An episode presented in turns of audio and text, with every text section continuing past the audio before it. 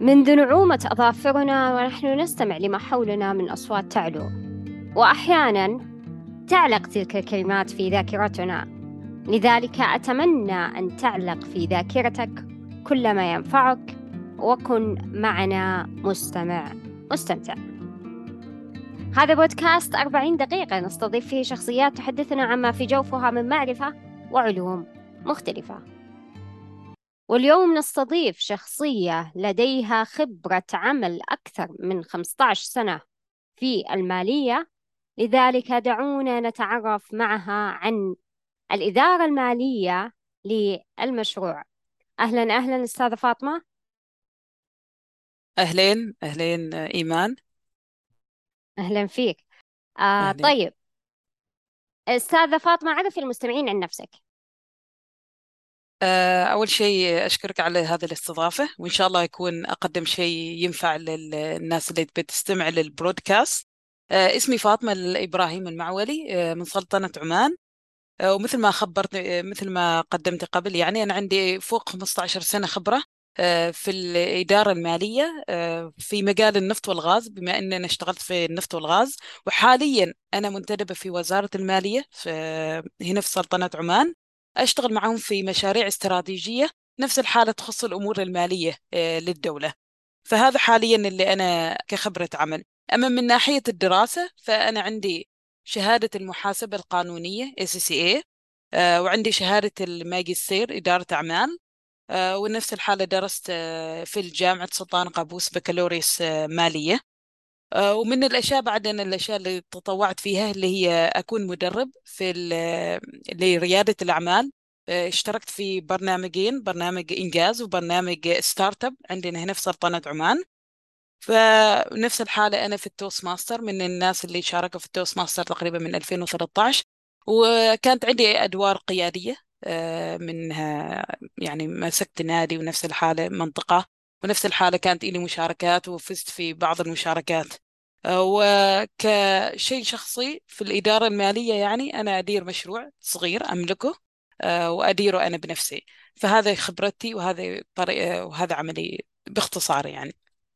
ما شاء الله تبارك الله. يعني آه، خبرتك المالية يعني لم تقف حتى مو بالمناصب أو آه، بالأماكن اللي شغلتيها وأنا متأكدة أنك أبدعتي. بسم الله ما شاء الله. كذلك وظفتي خبرتك المالية في مشروعك اللي آه، أيوة قاعدة بالفعل. تسوينه. فالله يوفقك إن شاء الله. شكرا إيمان. بالفعل هو سبحان الله خبرة الدراسة وخبرة العمل في الشركة وفي الوزارة يعني ساعدتني طبعا في عمل مشروع مالي اللي حاليا أنا أشتغل عليه. ما شاء الله تبارك الله. الله يزيدك إن شاء الله. آمين. آه، ما هي الإدارة المالية؟ آه، طبعا الإدارة المالية هو يعني إذا نعرفه كذا يعني هو يعني كمفهوم عام الإدارة المالية طبعا هي طبعا إدارة إن الواحد في البداية حتى لو مشروع أو حتى لو شركة كبيرة ولا صغيرة ولا كل شيء هو أول شيء في أي مشروع أنت تحتاجي مال. فتحتاجي رأس مال. كيف إنك أنت تحصلي رأس المال؟ كيف تديري هذاك الرأس مال؟ كيف يتم صرف الرأس مال؟ طبعا يعني أهم شيء يكون في عائد في الأخير لرأس المال ونفس الحالة تهتم نهتم لازم في كل أمورنا المالية يكون عندنا سيولة نقدية وهذا بشكل شخصي ونفس الحالة في أي عمل أو حي أو في شركة أو في أي وزارة أو طبعا لازم تكون عندنا السيولة النقدية لازم نركز فيها.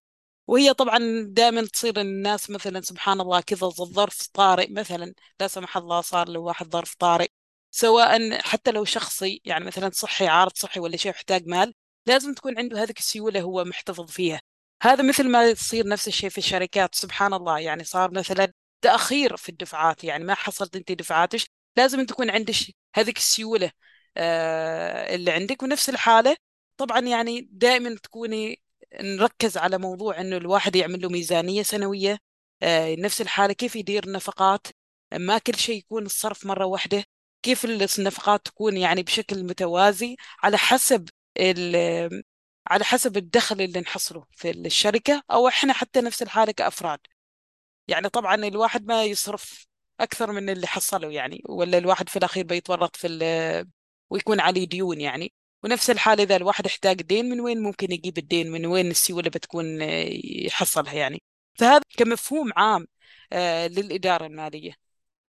مفهوم شامل ما شاء الله تبارك الله. حتى يعني سألتي أسئلة معينة أو ذكرتي نقاط جدا جميلة أنه المشروع لابد أن يكون له عائد.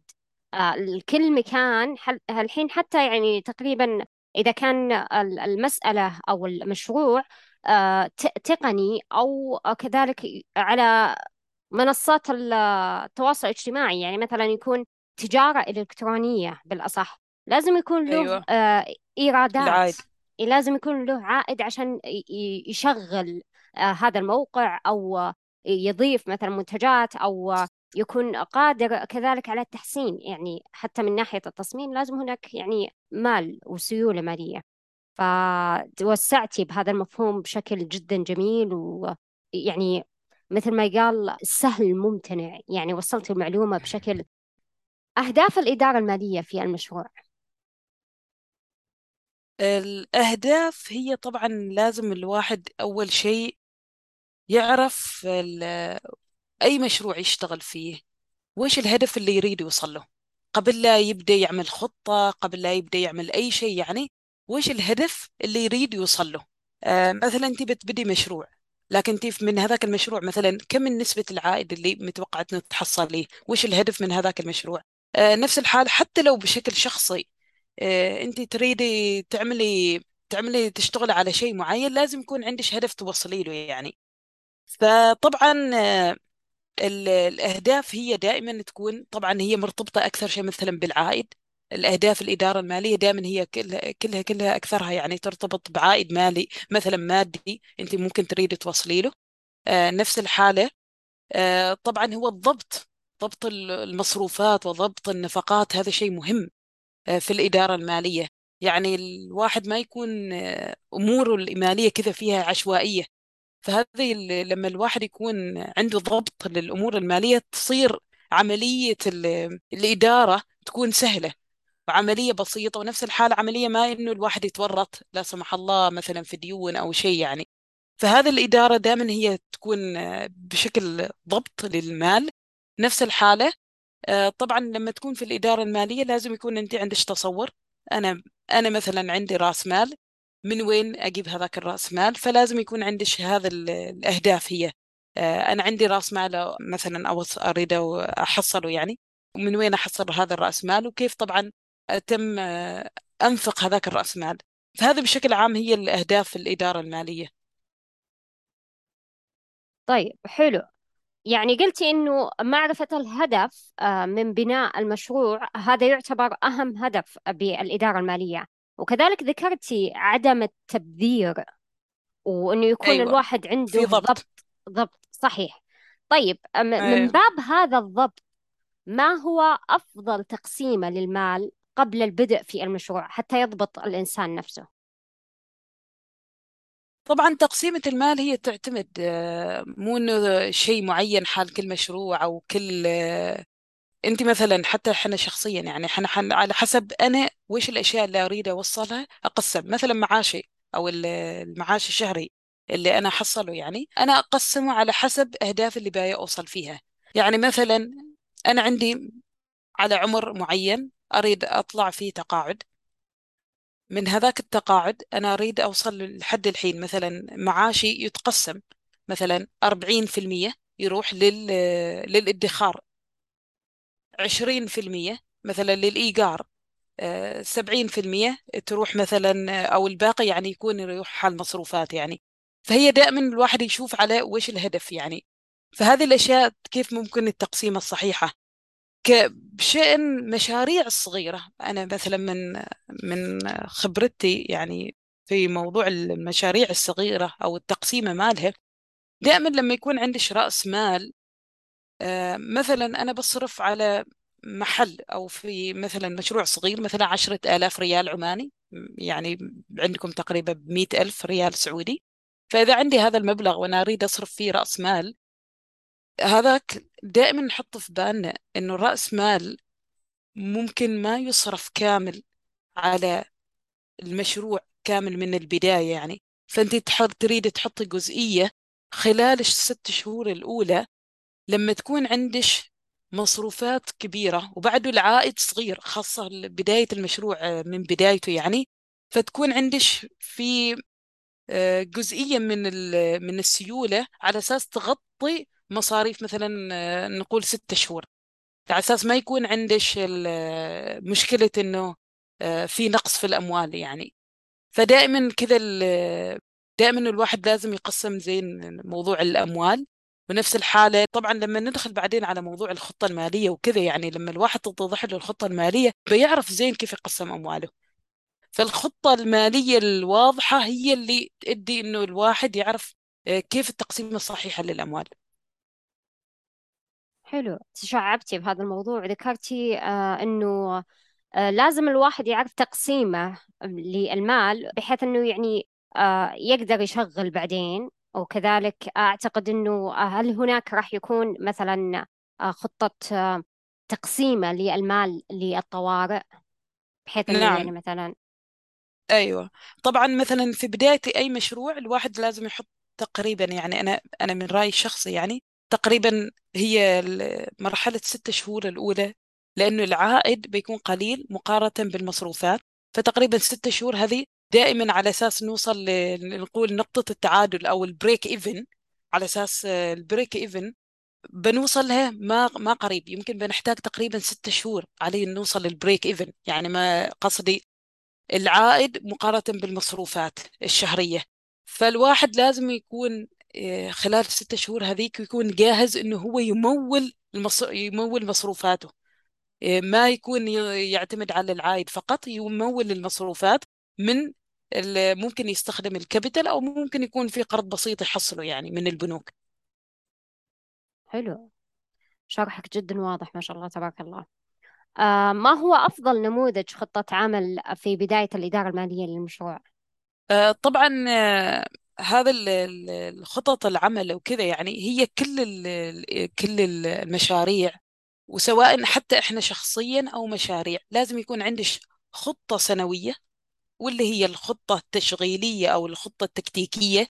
هذه شغ... آه، حدها تقريبا سنة هذه الخطة. يعني أنت تشوفي كيف المصروفات اللي بنصرفها في ذاك ال...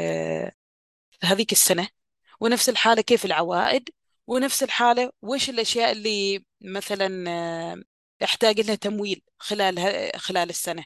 أما أما الخطة الاستراتيجية اللي خطة طويلة المدى يعني طبعا الواحد لما يكون عنده مشروع يشتغل عليه ما لازم بس يركز على هذيك السنة. أنت ممكن في أول سنة ما تحصل العائد اللي يناسبك يعني أو إنه العائد اللي بنوصل له. لازم نشوف نحط لنا خطة استراتيجية كاملة. يعني خطة استراتيجية ممكن توصل بين خمس لين عشر سنوات. أنا مثلا في خلال السنة الأولى وش المشاريع اللي بشتغل فيها؟ وش العائد المتوقع وش المصروفات اللي بصرفها؟ في خلال هذيك السنة يعني في خلال كم سنة؟ فهذه الخطة الاستراتيجية بتوضح لش كامل أكثر شمولية عن المشروع بشكل عام. أما الخطة السنوية على الأقل هي خطة شوية بتكون تفصيلية أكثر وشوية دقيقة أكثر. على الأقل إنش عارفة إنش زين زين وش, وش الأشياء اللي بتصرفها فيها في خلال السنة؟ وإيش العائد المتوقع نفس الحالة خلال السنة؟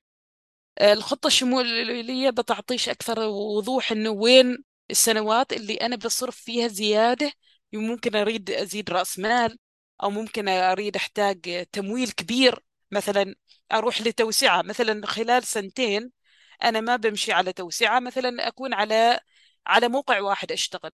بعدين خلال سنتين لا أنا أريد أفتح مثلا كم موقع كم منطقة في منطقة معينة. معناه ويش بيكون عندي صرف مالي كبير بحتاج رأس مال كبير بحتاج ممكن احتاج تمويل. فبعد سنتين لازم آه، أحسب حسابي يعني إن أنا يكون عندي تمويل كبير. آه، أو مثلا يكون الأرباح اللي قاعد احصلها سنويا ما أصرفها كلها أحطها حال المستقبل لما أروح حال التوسعه فهذه هي الخطة الاستراتيجية. آه، وهذا اللي فرق بينها بين الخطة الاستراتيجية أو الخطة السنوية اللي تكون خلال السنة فقط يعني. يعني الخطة التشغيلية خطة سنوية ولا تعتبر سنوية. سنوية؟ تعتبر أيوة السنوية أوكي. أما الخطة الاستراتيجية هي الخطة اللي تكون بين خمس لين عشر سنوات. مم.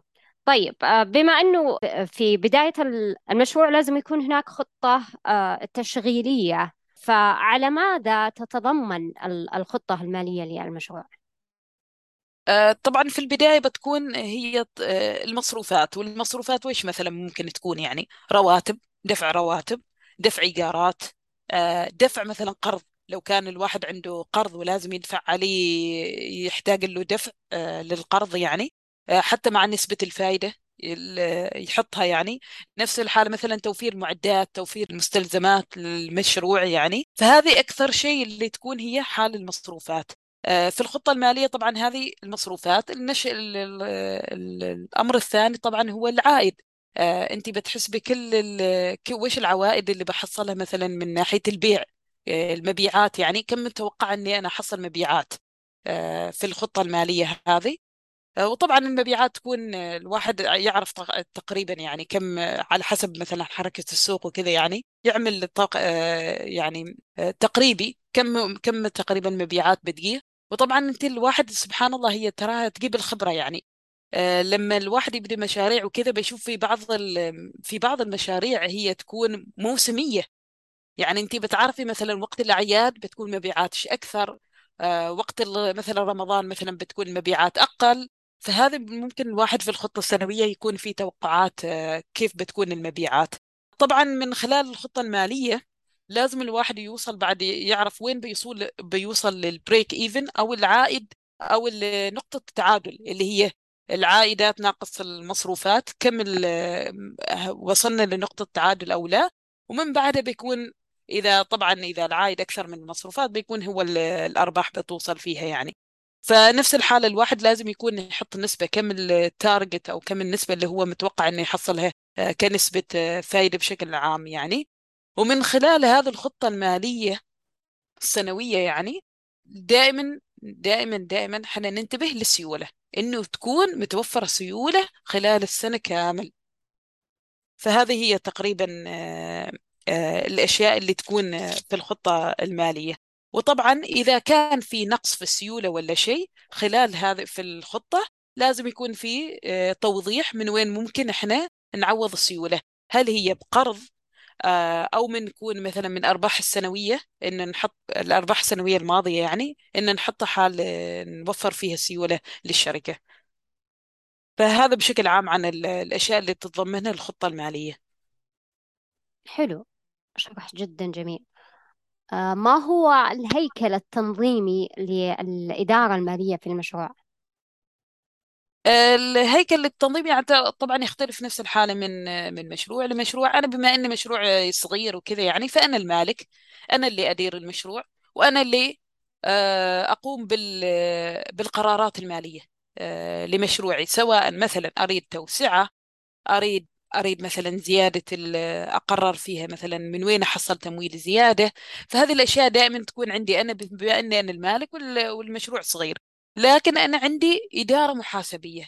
يعني في شخص عندي مسؤول إنه عندي كل الأمور الدفترية وكل الأشياء يعني يكون يسجل لي إياها. على أساس أنا لما أريد أقرر أي شيء يكون عندي وضوح في كل الأشياء اللي صرفناها مثلا خلال السنوات الماضية.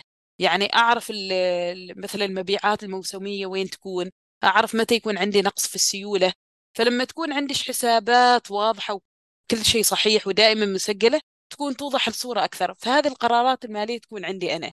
أما طبعا الشركات الكبيرة فتختلف. أنا بما أن عندي خبرة واشتغلت في شركات آه، كبيرة واشتغلت بنفس الحالة في الشركة الكبيرة في عدة مجالات في المالية. طبعا المالية آه، إذا بنتكلم عن المالية فهي عندها عدة أقسام يعني.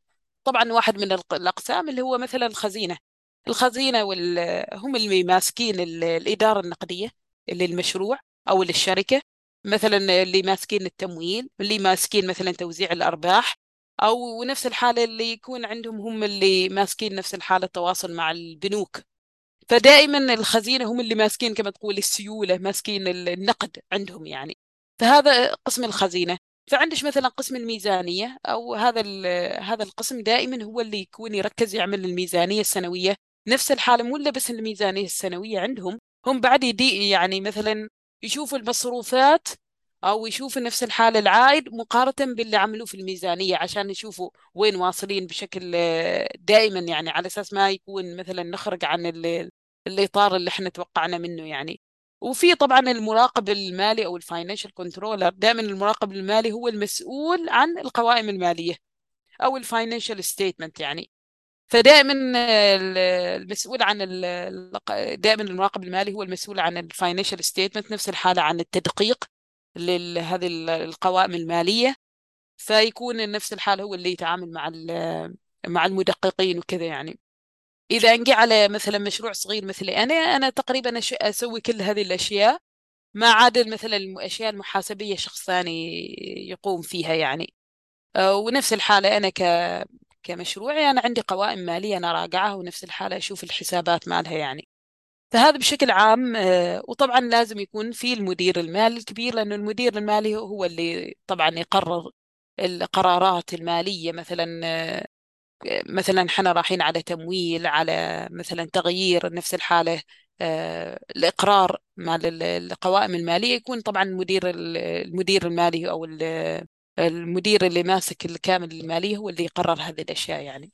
فهذا بشكل عام عن الهيكل التنظيمي أو الإداري لقسم المالية. آه، طيب ذكرتي أنت في الهيكل التنظيمي للإدارة المالية أقسام عديدة. من ضمنها يعني آه، قسم الخزينة صحيح؟ المسؤول أيوة أيوة الخزينة. آه، الشخص المسؤول عن الخزينة. بما أنه يعني نتكلم عن المال والخزينة والأموال خلينا نعرف كيف ممكن يتجنب الشخص انقطاع السيولة النقدية للمشروع. طبعا هذا مثل ما أنا قبل تكلمت هي عن الخطة المالية. الواحد لما يكون عنده خطة آه، مالية واضع عنها يعني قبل بداية السنة خل... آه، بتكون توضح له أكثر وين عنده نقص خلال خلال الشهور هذه. هل عنده نقص مالي بيكون متوقع أو لا؟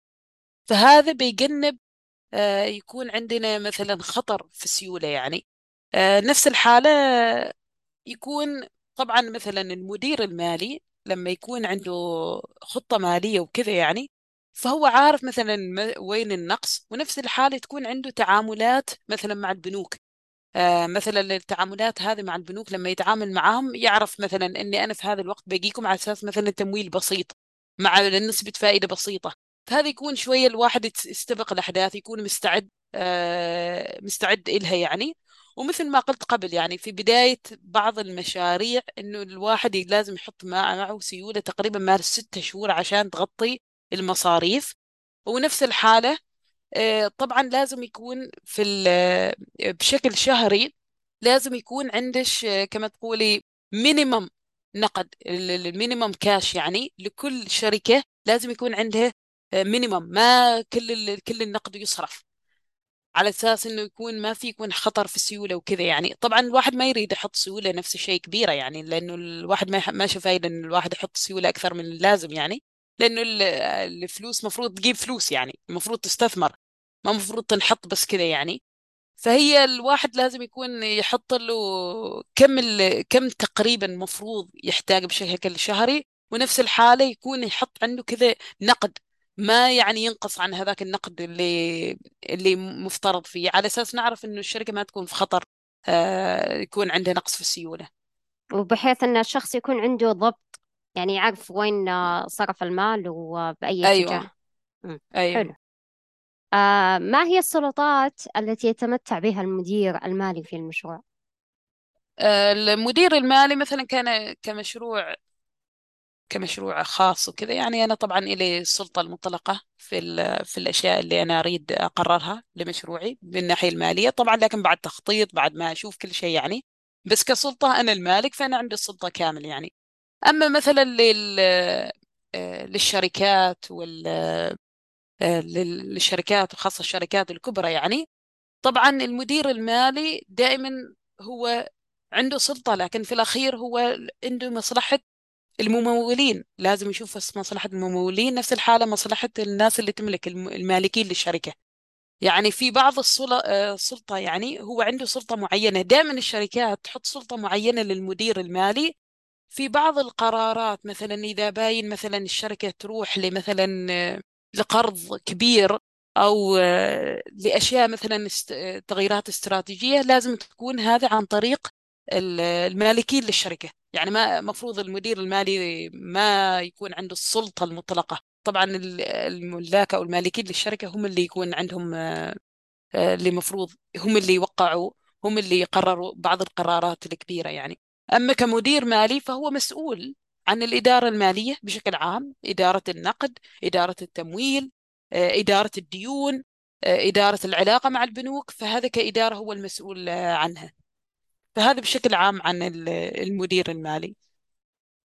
حلو. يعني يتمتع بسلطات كلهن يصب في مجال واحد هو إنه يعني آه، ضبط المال وين وين يتجه هذا المال وكذلك الحرص على تواجد المستثمرين وكذلك ال- الحرص على الدفع ال- ال- أيوه. للبنك. فحلو يعني آه، السلطات يعني ربما واسعة. لكن بشكل يعني عادل مثل شخص يسمى مدير مالي لأنه هو أساس كل شيء. آه، زي ما قلتي أعتقد أنه يعني آه، مسألة يتواجد عنده النقد تقريبا إلى ست شهور بحيث يكون هذا خاصة في بداية عنده. المشروع. إيه في بداية أيوه. المشروع يكون عنده سيولة طيب آه، من ناحية التوسع من وجهة نظرك متى متى الشخص يتوسع؟ بعد كم؟ بمشروعه طبعا الخاص. دائما امم طبعا آه، كل واحد لازم يشوف متى ي- خلاص لما يبدأ المشروع يعني يحصل عائد مالي عائد آه، وال- والأرباح تكون تقريبا آه، وصل لنسبة معينة من الأرباح. الواحد عاد ب- آه، يبدأ يخطط بشكل استراتيجي على أساس التوسع يعني. ونفس الحالة الواحد نفس الشيء لازم يحذر من التوسع لأنه في الأخير هي بعد بيكون يحتاج لها تمويل كبير يعني. أنت الواحد لما تتوسعي لازم تعرفي إنك أنت بتحتاجي تمويل آه، بتحتاجي بعدين دفع دفع هذاك التمويل يعني. فالواحد آه، يكون طموح طبعا بالتوسع آه، بس لما يعرف إنه ال business خلاص وصل لمرحلة إنه غطى هذيك المنطقة ال- المنطقة مثلا ال أو ال- نفس الحالة ال- ال line مال ال business أو ال business المعين اللي هو شغال فيه خلاص الفئة المستهدفة. وصل أو الفئة المستهدفة آه وصل إلها آه ممكن عادي يروح مثلا يتجه لبزنس ثاني لمنطقة ثانية آه لفئة مستهدفة ثاني- ثانية وثالثة.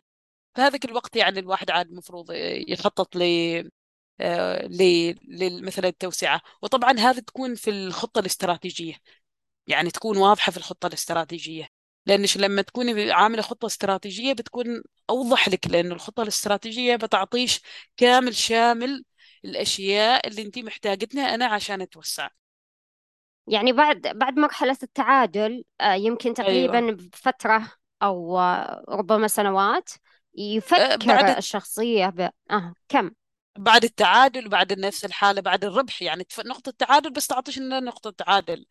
بس مثلا انت بعدش ما رجعت ال ما رجعت ال رأس المال اللي انت صرفتيه يعني لما وصلت لنقطة التعادل هذه بتحتاج سنوات انت لازم نفس الحالة آه، الواحد يرجع يشوف كم الأشياء اللي صرفها كرأس مال يعني وإنه من مشروعه هذا حصل آه، رجع رأس المال كانت له أرباح خلاص يعني بدت الأرباح بدل بدل المشروع يستقر البزنس استقر يعني صارت عنده خبرة كافية حتى لو بيتوسع خلاص وصل لمرحلة هو عنده خبرة كافية إنه ممكن يتوسع في مكان ثاني يعني ل- لمشروع ثاني.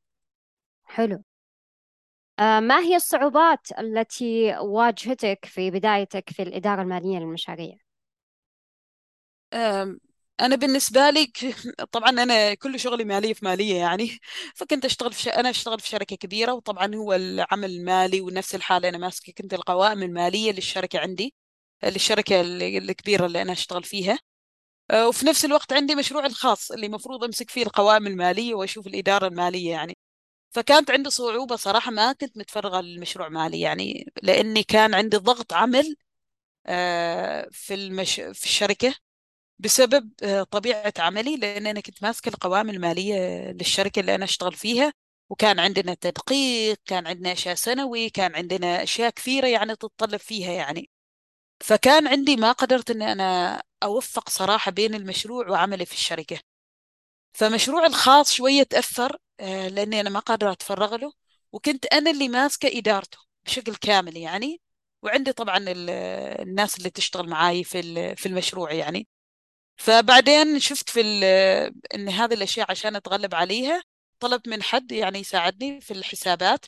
ففي حد كان عندي يساعدني في الإدارة المالية آه، في الحسابات. أكثر شيء يكون ما في القرارات المالية لكن مثلا في إدارة بس الحسابات تسجيلها مراجعتها. أنا عاد عندي المراجعة الشاملة عندي القرارات المالية الأشياء الكبيرة اللي أعتمد عليها. فما دخلت في التفاصيل الصغيرة الصغيرة. هذه الأشياء خليتها على الشخص يشتغل عليها. أنا بس تكون آه، أموري في القرارات المالية وفي الإدارة العامة بشكل عام يعني.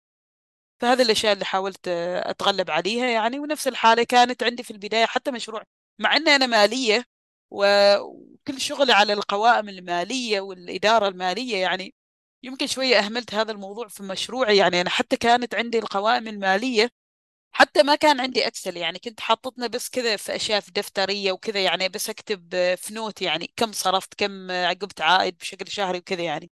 فبعدين حاولت تغلبت على هذه الأشياء يعني هي أشياء بسيطة خاصة المشاريع الصغيرة ما تحتاج انت برنامج مالي ولا شيء يعني معقد.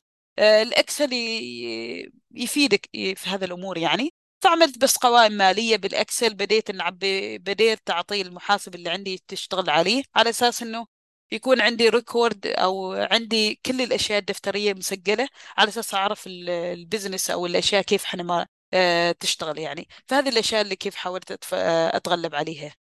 آه، فوضتي أحد بدالك. أيوه. إنه يكون حلو حلو. أيوه. طيب أستاذة رسالة اليوم منك للمستمعين. أه والله هذه الموضوع صراحة أنا موضوع الإدارة المالية هي إدارة صراحة الواحد لازم ينتبه له يعني في أي مشروع. يعني ما بس الواحد يريد بعض الأحيان الواحد تاخذه الشغف إنه يبدي مشروع إنه يريد يحقق أشياء بس ما حاسب ما حاط خطة مالية وما حاسب ولا عنده طغ... أنا هذه الأشياء اللي شفتها لما رحت كنت أنا نادوني أكون coach أو مدرب. في startup كانت هي مسابقة فكنت أنا أسألهم زين هل عندكم خطة مالية؟ هل عندكم تعرفوا كم العائد؟ هل تعرفوا حسبتوا كل المصروفات بشكل دقيق يعني؟ فهذه الأشياء هم بسبب الحماس الواحد ما ينتبه يعني مع أنه أشياء أساسية في قبل بداية أي مشروع يعني طبعا الواحد لازم يحط له الخطة المالية هذا أول شيء الشيء الثاني أنا كان خلال دراستي في الماجستير سألت البروفيسور اللي كان يدرسنا أنا درست عن ريادة الأعمال والابتكار. هي كانت مادة جميلة درست أحد المواد اللي درستها في في الماجستير. فسألت البروفيسور وش سبب نجاح بعض الريادة بعض المشاريع يعني؟ وش اللي ممكن نقول يعني؟ قال شوفي هي فيها ثلاث أشياء. واحد حظ. سبحان الله في بعض المشاريع تجيب الحظ يعني تنجح. أول مرة أحد يقول هذا ويعترف بهذا الشيء.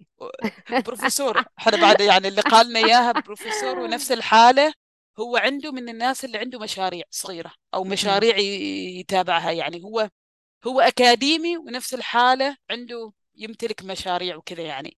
فهو قال للحظ واحدة من الأشياء آه، الشيء الثاني طبعا البزنس موديل أو طبعا لازم يكون في الواحد يكون عنده شوية ابتكار في أي مشروع يشتغل عليه يكون في عنده تفرد آه، جايب فكرة جديدة يشتغل على شيء جديد يشتغل على شيء مدروس بشكل صحيح يعني. هذا السبب الثاني. والسبب الثالث السيولة. آه، فهذه يقول في واجد مشاريع يعني تفشل لأن ما كانت عنده سيولة. فتفشل بسبب عنده نقص في السيولة. فيقول لنا هذه الثلاث أشياء اللي ممكن هي سبب نجاح يشوفها أي مشروع يعني وخاصة المشاريع الصغيرة يعني. فهذه الأشياء اللي عندي وهذه رسالتي وشكرا لك إيمان على الاستضافة. وإن شاء الله يكون استفدتي من هذا الموضوع ونفس الحال استفادوا الناس اللي تستمع للبرودكاست. أكيد أكيد. وعلى هذا سيداتي وسادتي دمتم بخير وشاركوني تعليقاتكم على هذه الحلقة في أحد مواقع التواصل الاجتماعي.